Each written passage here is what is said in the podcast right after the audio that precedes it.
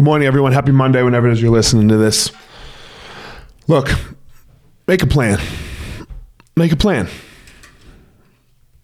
It's, it's hard to get anywhere if, if you're not pointing at where it is you're trying to go. If, if you don't know where it is you're going, if you're just haphazardly uh, walking through the world, the your your job, your day, your life, uh, your your fatherhood, your your parenting style, your spousing, you know, if you're just walking through that and thinking that that's what's going to get it done, um, yep, that's the reason why you're not going anywhere. That's the reason that you're going to rely on luck.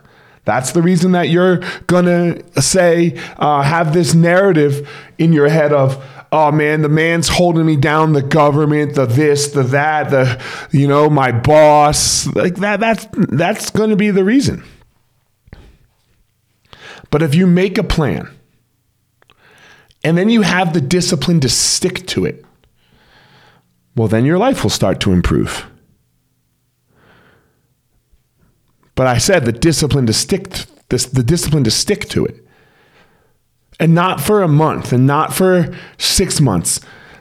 Ice Cube said and I have already, if I, have already done a, a, a pod, uh, a Monday motivational on this quote do you have the ability to work for five years and see nothing in return? Can you do that?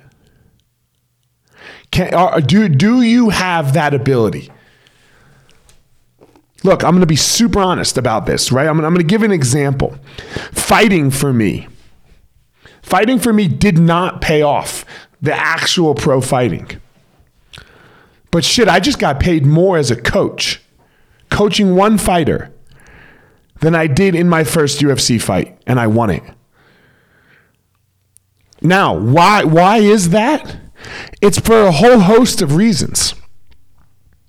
My athlete, Drew Dober, stuck to the plan, and it wasn't easy. There was a time when we were working on something. We worked on this concept of how to frame and move your hips for three years. I wouldn't really show him much new.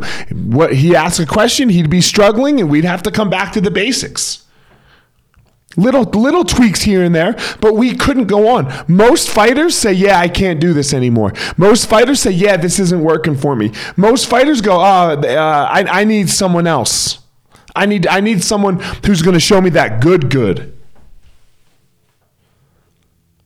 Man, when's the last time you saw a flying armbar or a backside 50 50 heel hook in the UFC? It happens. I'm not going to say it doesn't happen. But can you escape positions? Can you deal with the bad situations? The only way you can is if you stick to the plan and you work on it for a long fucking time. It doesn't come overnight. It took Drew two to three years. And now, and now he's got it. Now we can work on some of the other stuff because I know his fundamentals and his basics are sound. He stuck to the plan.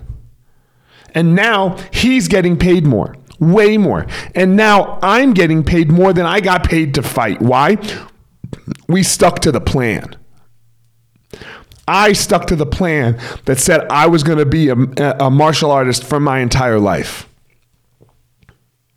Stick to the plan make adjustments, switch things around, but don't fucking quit. Stick to it. Grind.